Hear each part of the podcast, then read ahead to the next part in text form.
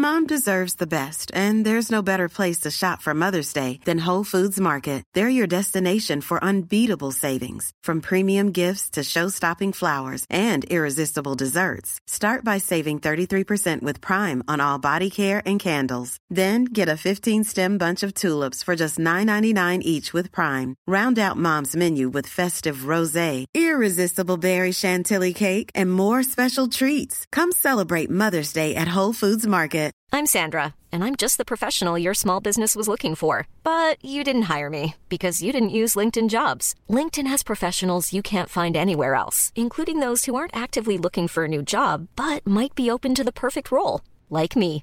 In a given month, over 70% of LinkedIn users don't visit other leading job sites. So if you're not looking on LinkedIn, you'll miss out on great candidates like Sandra. Start hiring professionals like a professional. Post your free job on linkedin.com/people slash people today. Planning for your next trip?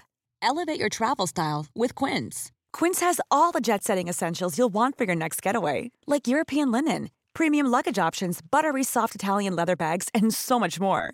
And is all priced at 50 to 80% less than similar brands. Plus, Quince only works with factories that use safe and ethical manufacturing practices. Pack your bags with high-quality essentials you'll be wearing for vacations to come with Quince. Go to quince.com slash pack for free shipping and 365-day returns. Vem vill inte bli miljonär? Men hur sjutton gör man? Idag kommer facit. En som lyckats berättar allt om vägen fram till inte bara en miljon utan även till ekonomisk frihet. Detta i dagens Smarta Cash, podden som peppar till en bättre ekonomi med mig Isabella Amadi.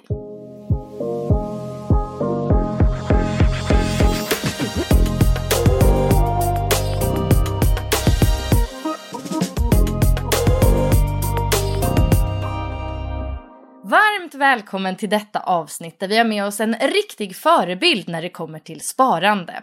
Dagens gäst har gjort en otrolig sparresa och är idag inte bara miljonär i svenska kronor mätt utan även dollarmiljonär. Elisabeth Svensson, välkommen! Tack snälla Isabella!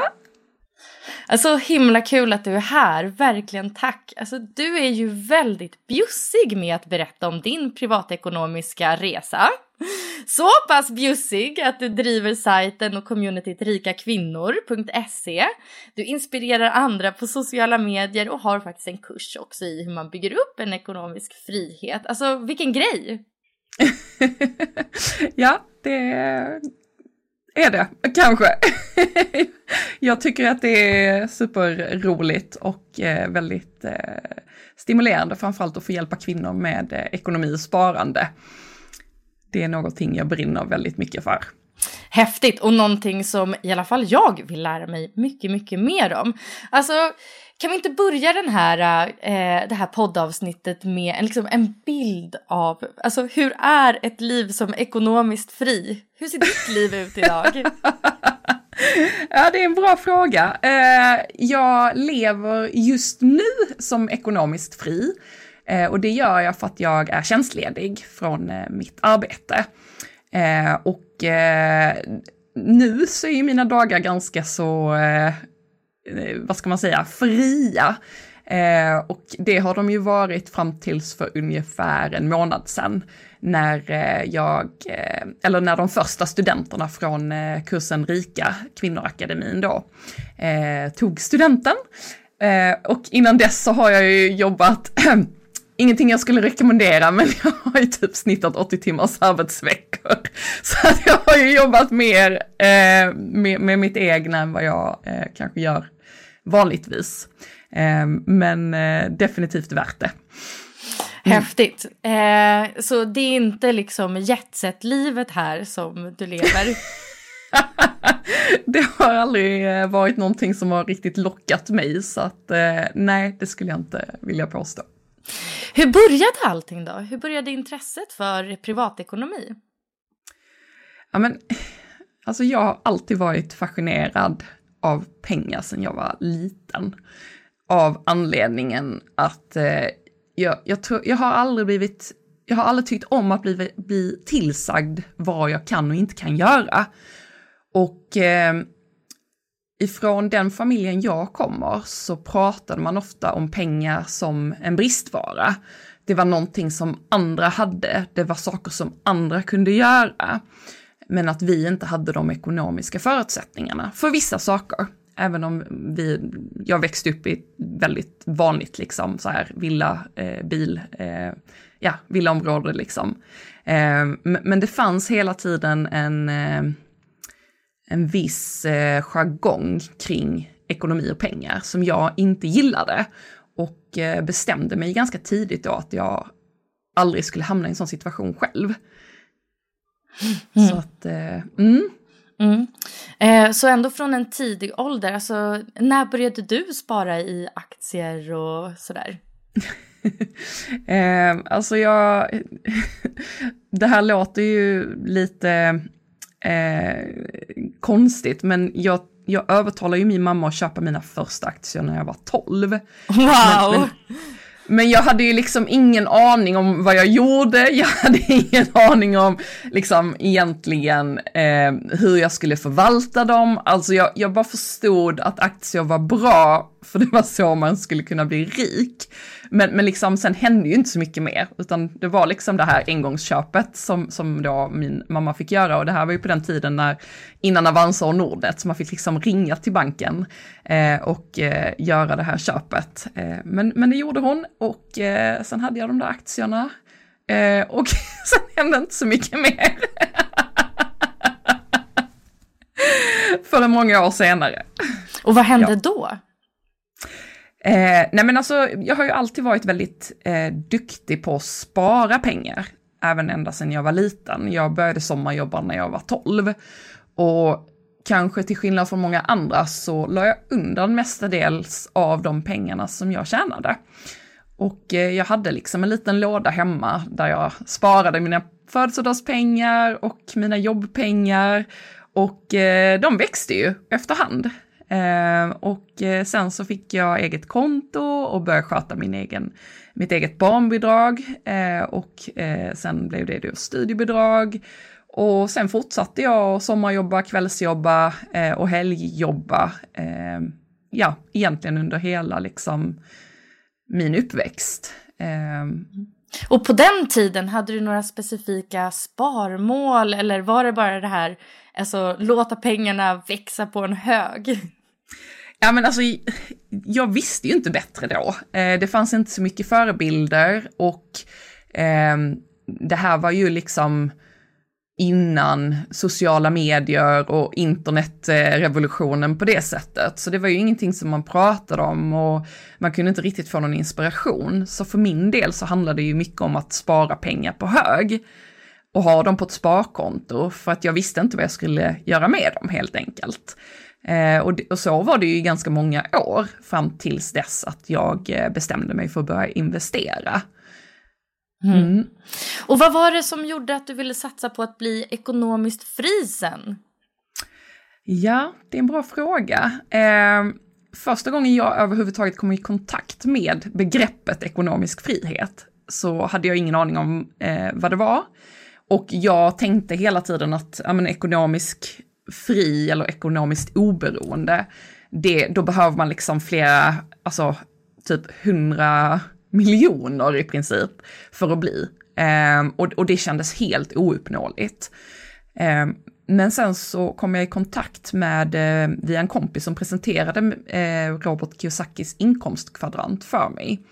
Och eh, då minns jag hur irriterad, eller kanske inte irriterad är rätt ord, utan jag kände mig så lurad av systemet.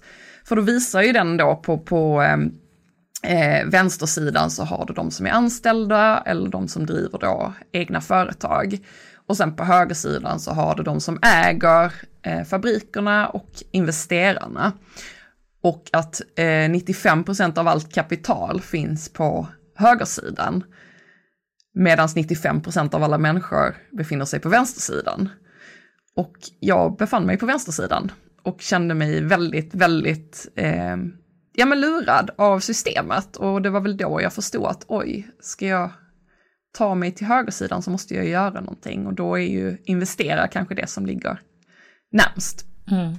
För investeringar är ju en viktig del av eh, den här liksom FIRE-rörelsen som är då tätt besläktad med när vi pratar om ekonomisk frihet idag. Eh, att man då ska eh, plocka ut pengar årligen från sitt investerade kapital för att kunna leva på det medan det sen ligger kvar och fortsätter att växa är ju grundtanken. Eh, men liksom vad innebär ekonomisk frihet för dig? Ja, men för mig så innebär ju det större valmöjligheter. Att jag kan äga min egen tid. Att jag kan ta ett år tjänstledigt och det drabbar inte mig eller min familj ekonomiskt överhuvudtaget. Um, och det innebär ju också att jag har valmöjlighet till att välja om jag vill arbeta, uh, vad jag vill arbeta med och hur mycket. Eh, under, under vissa definierade ramar såklart, för bestämmer man sig för att göra en kurs som jag gjorde så måste man liksom genomföra den. Eh, och eh, eh då, då, blir det kanske lite mer arbete än vad man kanske har tänkt sig. Men, men eh, det är inte tanken att jag ska göra en ny kurs varje år, utan har jag gjort grundjobbet och så kan jag använda materialet. Ehm, Eh, men, men eh, definitivt, alltså valmöjlighet, eh, större frihet och mindre liksom alltså ekonomisk stress som jag vet att många tyvärr upplever. Mm. Eh, om man vänder lite på frågan, alltså vad i ett så kallat vanligt liv är det som inte tilltalar dig? alltså, jag tycker att idén om ett vanligt liv är en ganska fin tanke, men jag tycker att det har gått för långt. Alltså tittar man på liksom varifrån vi kommer, och vad som har hänt efter liksom den industriella revolutionen och hur mycket vi producerar idag, hur mycket vi producerar för att kunna konsumera saker som vi egentligen inte behöver.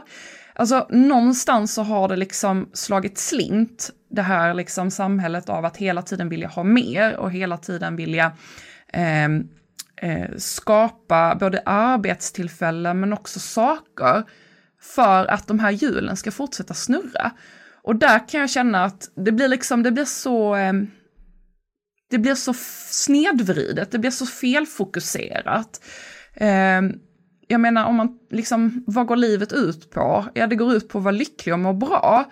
Men, men det här liksom att hela tiden konsumera människors tid och energi för att vi ska skapa större vinster till företag. Alltså för mig är det en så himla skev och konstig bild som, som, som, liksom drabbar mig och jag kan inte se syftet med det. Jag kan inte se syftet med att vi springer snabbare och snabbare och snabbare. Mot vad? Alla ska vi dö liksom. Alltså, men, men liksom det kan ju inte vara det som är meningen. Så att, eh, så att, ja, det var väl kanske ett mer filosofiskt svar på en konkret fråga. Men, mm. men Ändå äh, hänger det väldigt tätt i samman, liksom. Alltså ekonomi och hur man vill leva sitt liv och personlig utveckling. Allt det här går ju lite hand i hand. Mm. Så jag tycker ändå att det makes sense väldigt mycket. det var skönt att höra.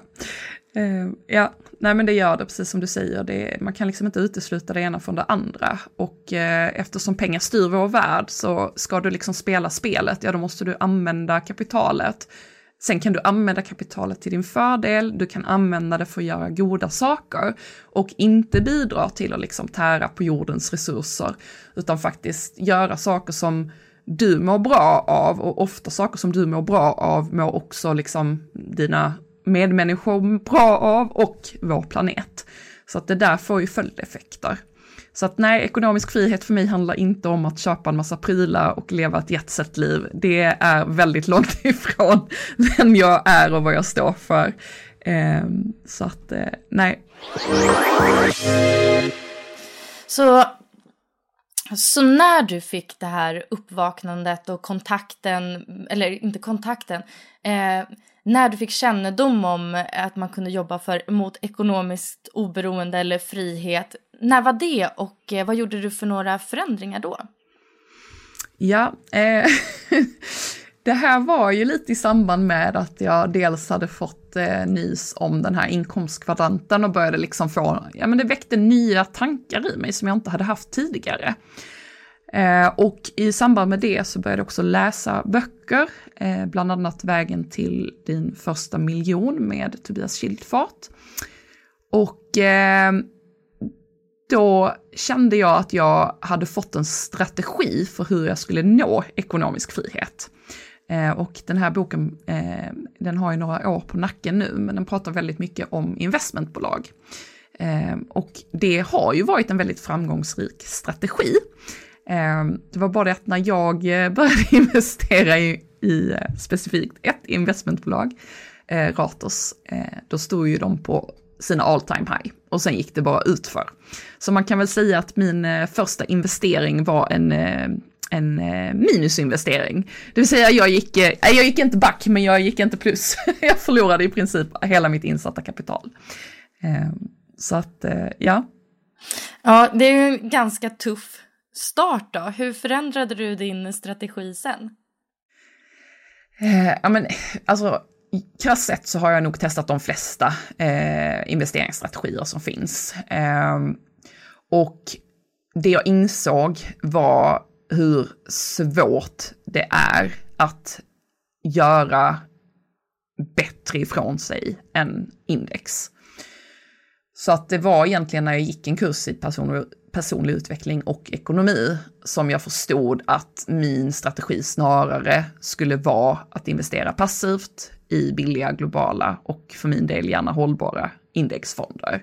Det vill säga att sluta försöka tajma marknaden, sluta försöka förutspå vad det är som kommer gå bra imorgon. Det brukar vara en väldigt dålig idé och all forskning pekar, eller den mesta forskningen pekar på att det är väldigt, väldigt få som klarar av att slå eh, marknaden. Så att det var egentligen den strategin som jag påbörjade då, eh, i samband med att jag också startade upp Rika kvinnor och såg det som en liksom ny typ av inkomstkälla eh, för att bidra mer till, eh, mer, med mer bränsle helt enkelt till eh, mm. pengamaskinen. Mm. Men då kan jag tänka mig, när du investerade mer i aktier så kanske du engagerade dig mycket, alltså hängde med i bolagen och så. När du sen förändrade dig, förändrades också ditt eget liksom, engagemang på det sättet? Liksom, hur mycket läste du på och höll dig uppdaterad om ekonomin? Nej men det förändrades ganska drastiskt från att jag var väldigt liksom på bollen. Eh, jag var ofta inne och tittade till mina innehav och gjorde förändringar eh, till att jag förstod sen att det, det finns inget syfte med att eh, logga in på sitt konto och jag är min egen största, mina pengars största fiende. Eh, och det är en ganska skön insikt. Eh, jag menar nu tittar jag till mitt konto max en gång per månad när jag gör månadsbokslut. Eh, och det är egentligen bara för att få en, en, eh, en, liksom, en idé om hur, hur det utvecklas. Eh, och så länge inte saker i vårt liv förändras drastiskt så kommer vi inte heller förändra vår strategi. Eh, så att eh, det är en betydligt mycket mer eh, bekväm strategi om man är bekväm som jag är. Ja, indexfonder säger du. Alltså, hur många fonder har du i din portfölj? Hur tänker du kring hur du har byggt upp den? Alltså en indexfond består ju utav eh, ett visst antal aktier. Och eh, jag kommer inte ihåg vad gränsen för att det ska kallas en indexfond går, om det är att det måste bestå av minst två eller 400 bolag. Eh, men jag tror att innehavet är att det får vara max 2 procent eh, alltså, alltså innehållet i eh, fonden får bestå av max 2 procent av ett enskilt bolag. Eh, så att jag har ju numera gått över mer till att använda fondrobotar. Eh, så att eh, primärt så använder jag Lysa och då är det Lysa som eh, sitter och bestämmer fonderna. Och det är de väldigt duktiga på. Så att, Kör du 100% väl, aktiefonder? Nej, jag kör en modell som är 90-10 eh, och anledningen till det är att det finns en stor forskningsstudie som man gjorde Eh, där man tittade på olika scenarier och eh, då visade man på att man sänker risken med ungefär 30, 35 procent eh, mot eh, att ha en 100 eh, aktieportfölj eller en 90-10, det vill säga 90 procent aktier och 10 procent fonder. Eh, förlåt, 10 räntor. Eh, så att, så att eh, därför så kör jag 90-10 strategin. Okej. Eh, din livsstil då under åren som du sparade, eh, hur, eh, hur såg den ut? Eh, alltså, inte speciellt annorlunda mot någon annans livsstil. det är eh, alltså för mig så har det snarare handlat om eh, vissa val, alltså till exempel, jag har inte lagt mycket pengar på alkohol, eh, om man har varit ute och, och partajat som jag gjorde eh, på, när det begav sig. Eh, jag ägde ingen bil, eh, åkte sällan taxi ens kollektivt utan tog mig fram med cykel, det gör, gör vi fortfarande. Ehm, och sen ska det också tilläggas att när jag eh, pluggade så jobbade jag, jag deltidsarbetade samtidigt som, som jag eh, studerade. Så att jag hade ungefär dubbelt så mycket eh, att leva på som alla mina andra kursare. Så jag levde väldigt gott som student, eh, extremt gott. Eh, och den livsstilen kunde jag sedan fortsätta anamma, även när jag började arbeta, eh, men då hade en betydligt eh, bättre inkomst. Så att för mig så blev det liksom aldrig, det har aldrig varit något konstigt, utan jag vet inte, det kanske sitter i mitt DNA. att liksom lägga pengar på sånt som faktiskt skapar ett värde för mig och eh, att inte vilja ha allt eh, hela tiden. Utan att faktiskt liksom välja, okej okay, vad prioriterar jag just nu? Eh, och så lägger jag pengar på det. Eh. Vad satte du för sparmål? Eh, första sparmålet var ju miljonär innan 30. det var en sån, eh, eh, det kändes som en sån klassisk. Eh, nu nådde jag inte det, utan jag var ju 31 år och fyra månader när jag blev miljonär. Och hur, hur lång tid tog det? När började du då? Ja, alltså hur långt är ett snöre? Alltså det beror på när man räknar ifrån. Är det liksom när jag var 12 och började sommarjobba och la undan pengar i mitt skrin hemma liksom? Alltså, är det svårt att säga när det började, utan det har ju liksom varit en, en, någonting jag har gjort under i stort sett hela mitt liv. Men liksom när jag liksom började rent strategiskt bestämma mig, det var ju kanske runt, eh, ja men då var jag runt 25-26. Okej. Okay. Mm. Eh, vilka är dina bästa spartips? Eh, nej men det är väl, sätt undan 10% av lönen. Eh, och, och gör det liksom på autogiro så att det inte märks. Eh, och får man löneförhöjning så använd den hävstången och, och de extra pengarna till att investera mera helt enkelt. Eh, för att det är lite så, ser man inte pengarna så vet man inte att man har dem. Då kan man lika gärna jobba någon annanstans och bli många fler senare. Eh, så det är väl ett bra spartips, eh, tänker jag. Mm. Gick du på några nitar eh, under den här tiden? Alltså, du berättade ju om den här Ratos-grejen, men har du några andra missar du skulle kunna dela med dig av? Oj, oj, oj. Eh, nej, men det känns som att eh, jag har nog testat på de flesta eh, grejer som man kan eh, råka ut för.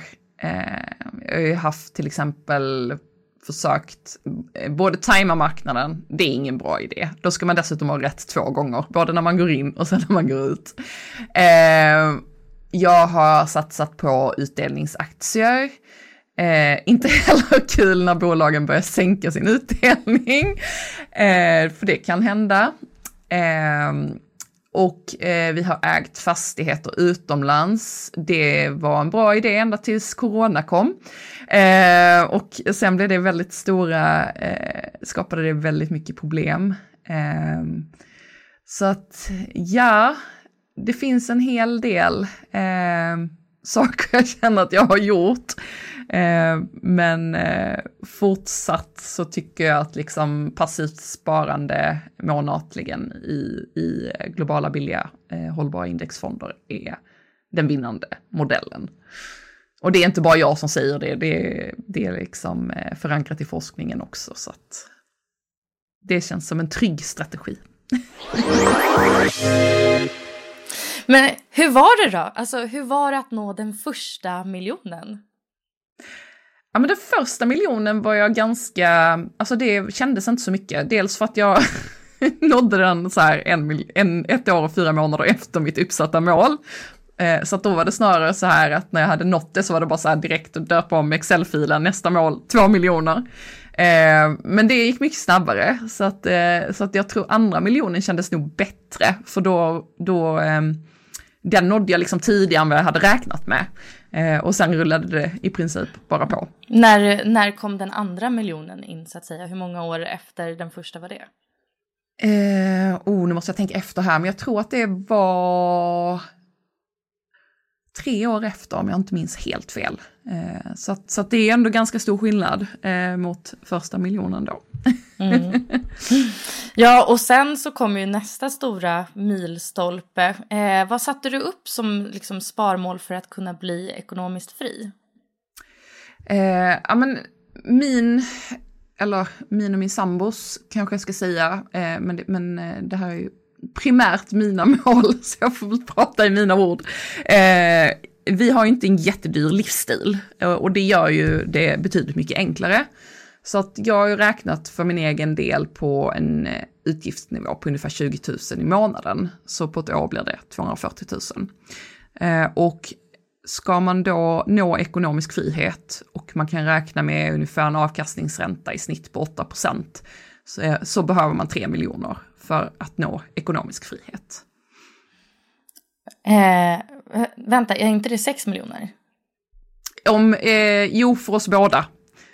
Nu pratade jag om mig, men eh, min sambo har, vi har lite olika utgiftsnivåer. Men eh, jo, 6 miljoner för oss båda, definitivt. yes. Okej, okay. och sen så uppnådde ni ju då det här eh, gemensamma ekonomisk frihet. Hur kändes det? Eh, ja, det var en lite speciell känsla. Eh, eftersom eh, jag kände ingenting.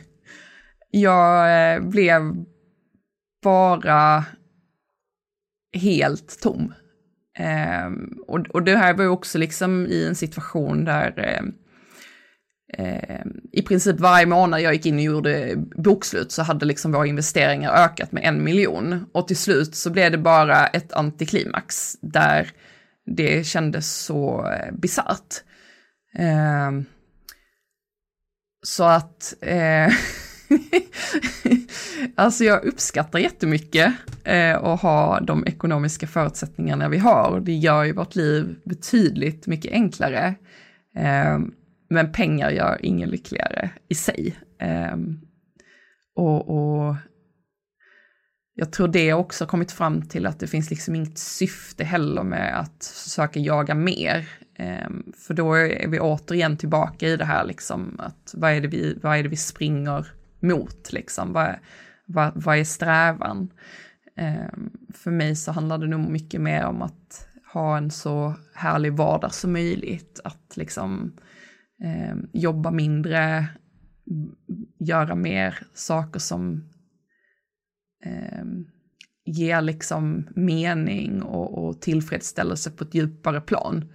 Eh, till exempel eh, utbildningen som jag har jobbat med, eh, men också liksom älskar att åka iväg på, på meditationsretreat eller eh, yogautbildningar och ja, eh, andra saker som, som gör mitt och vårt liv rikare. Okej, så det låter nästan som att det blev nästan lite av en livskris att bli ekonomiskt fri. ja, alltså nu var vi ju ekonomiskt fria redan innan dess. Det här var ju liksom, vad ska man säga, det som fick oss till nästa nivå. Eh, och det gick ju mycket snabbare än vad jag hade förväntat mig. Eh, sen kan vi också tillägga att eh, sen eh, det här hände så har ju också börsen gått ner en del så att eh, eh nu, nu eh, har vi ju lite kapital att ta igen för att komma tillbaka dit, men det känns liksom helt fine. och och eh, nu är vi väl mer i ett läge där vi borde ha varit ett för ett år sedan. Eh, mot liksom vad som hände. Eh, och jag tror för min del så handlade det mycket om att det här hade varit ett mål som jag hade strävat efter så länge och så helt plötsligt så var det som att det liksom bara öppnades en pengakran och det kändes liksom, det blev liksom så bisarrt. Eh, ja. Hur har du tagit dig vidare från den här tomhetskänslan? Eh, nej men det som eh, tog mig ur, låter så jävla klyschigt kanske, eh, men det var bokstavligt talat en kompis till mig som ringde eh, och eh, frågade om inte han trodde att mitt nätverk skulle vara intresserad av att eh, investera via hans bolag. Eh, och hans bolag är då eh, det som, eh, har, som hjälpte mig och min sambo med, med våra superinvesteringar. och då kände jag direkt att ja, men det finns ju liksom inget syfte för mig att tjäna mer pengar. Men däremot så finns det ett större syfte av att hjälpa andra, speciellt kvinnor, eftersom där har jag liksom min, min, eh, mitt hjärta. Eh, och då kändes det plötsligt som att jag fick ett nytt syfte. Att ja, men nu, nu är mitt mission, nu kan jag lägga mig åt sidan liksom för den delen är klar. Eh, och nu kan jag fokusera på att hjälpa andra. Eh, och det har gett mig en helt ny mening. Eh, och det var väl det som, som eh, tog mig ur och som också gjorde att jag började fundera på hur jag skulle kunna lära ut eh, det som jag har lärt mig de senaste eh, tio åren eh, till andra kvinnor. Gud, vilken alltså, berörande historia. Tack. Vi har ju säkert eh, många där ute som gärna skulle vilja bygga upp sin egen pengamaskin. Eh, kan inte du skicka med lite goda råd? Alltså, vad, hur gör man? hur gör man? Eh, nej men alltså, någonting som jag pratar om i kursen, det handlar ju också om det här liksom att det måste finnas ett ganska starkt syfte. Så att man inte bara går in i känslan av att jag vill ha mer pengar. Men vad är det du vill göra med dina pengar? För att om du inte förstår varför du vill nå ekonomisk frihet, då kommer det vara svårare att göra de få uppoffringar som ändå krävs för att nå det. Um, för det finns så mycket annat som pockar på vår uppmärksamhet. Och det är ju ändå som så att vill vi sträva efter någonting, då kommer vi behöva lägga tid, vi kommer behöva lägga energi på att nå det. Um, och sen finns det liksom svårare sätt att göra det på, det finns enklare sätt att göra det på. Ehm, och mycket av det jag lär ut i kursen, det handlar ju om också att visa på dels hur, hur vi själva är, faktiskt är vår egen största fiende mot vår ekonomiska frihetsbyggande. Eh, därför att vi människor agerar, eller agerar väldigt sällan rationellt, även om vi tror det så gör vi det sällan och speciellt inte när det kommer till pengar. Eh, så alltså att det handlar mycket om att bygga upp liksom det här självförtroendet kring liksom eh, och förståelsen kring hur vi fungerar och varför eh, till exempel man inte borde försöka överträffa marknaden. Eh, det finns de som lyckas, men det är väldigt, väldigt få och ofta så tar man en mycket högre risk för att göra det. Så att återigen, tips där, ja men det är liksom globala, eh, billiga eh, och passiva indexfonder och så månadsspara. I alla väder, spelar ingen roll var marknaden befinner sig. Eh, idag får du mer fonder för pengarna än vad du fick för ett år sedan, så det är bara positivt. Eh, så, att, eh, så att det handlar liksom mycket om det där att också utmana och förstå vad det är vi gör när vi befinner oss på marknaden. Ehm, och att oavsett vad vi gör så kommer vi göra fel. Det, kan vi, det är det enda vi kan vara säkra på. wow! Alltså jättetack för att du har delat alla dina insikter och hela din story. Ja men jättekul att få eh, komma till din eh, podd Isabella. Ja, och om man vill höra mer om dig och lära sig mer om ekonomi, var hittar man dig och Rika Kvinnor? Eh, Rika Kvinnor finns såklart på alla stora plattformar, Instagram, eh, Facebook och sen eh, eh via rikakvinnor.se såklart. Och sen har vi också en Facebookgrupp med över 8000 eh, tjejer som diskuterar allt ifrån ekonomi till smarta eh, tips och aktier etc. Eh, och de grupperna hittar man under Fearless Women. på Facebook då. Superbra!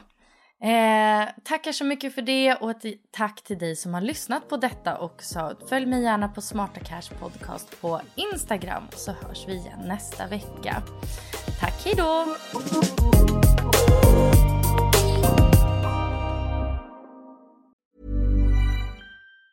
Mom deserves the best and there's no better place to shop for Mother's Day than Whole Foods Market. They're your destination for unbeatable savings, from premium gifts to show-stopping flowers and irresistible desserts. Start by saving 33% with Prime on all body care and candles. Then get a 15-stem bunch of tulips for just $9.99 each with Prime. Round out Mom's menu with festive rosé, irresistible berry chantilly cake, and more special treats. Come celebrate Mother's Day at Whole Foods Market it. Mom deserves the best, and there's no better place to shop for Mother's Day than Whole Foods Market. They're your destination for unbeatable savings, from premium gifts to show-stopping flowers and irresistible desserts. Start by saving 33% with Prime on all body care and candles. Then get a 15-stem bunch of tulips for just $9.99 each with Prime. Round out Mom's menu with festive rosé, irresistible berry chantilly cake, and more special treats. Come celebrate Mother's Day at Whole Foods Market.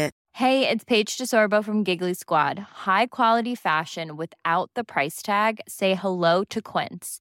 I'm snagging high-end essentials like cozy cashmere sweaters, sleek leather jackets, fine jewelry, and so much more. With Quince being 50 to 80% less than similar brands. And they partner with factories that prioritize safe, ethical, and responsible manufacturing. I love that. Luxury quality within reach. Go to quince.com slash style to get free shipping and 365 day returns on your next order. Quince.com slash style.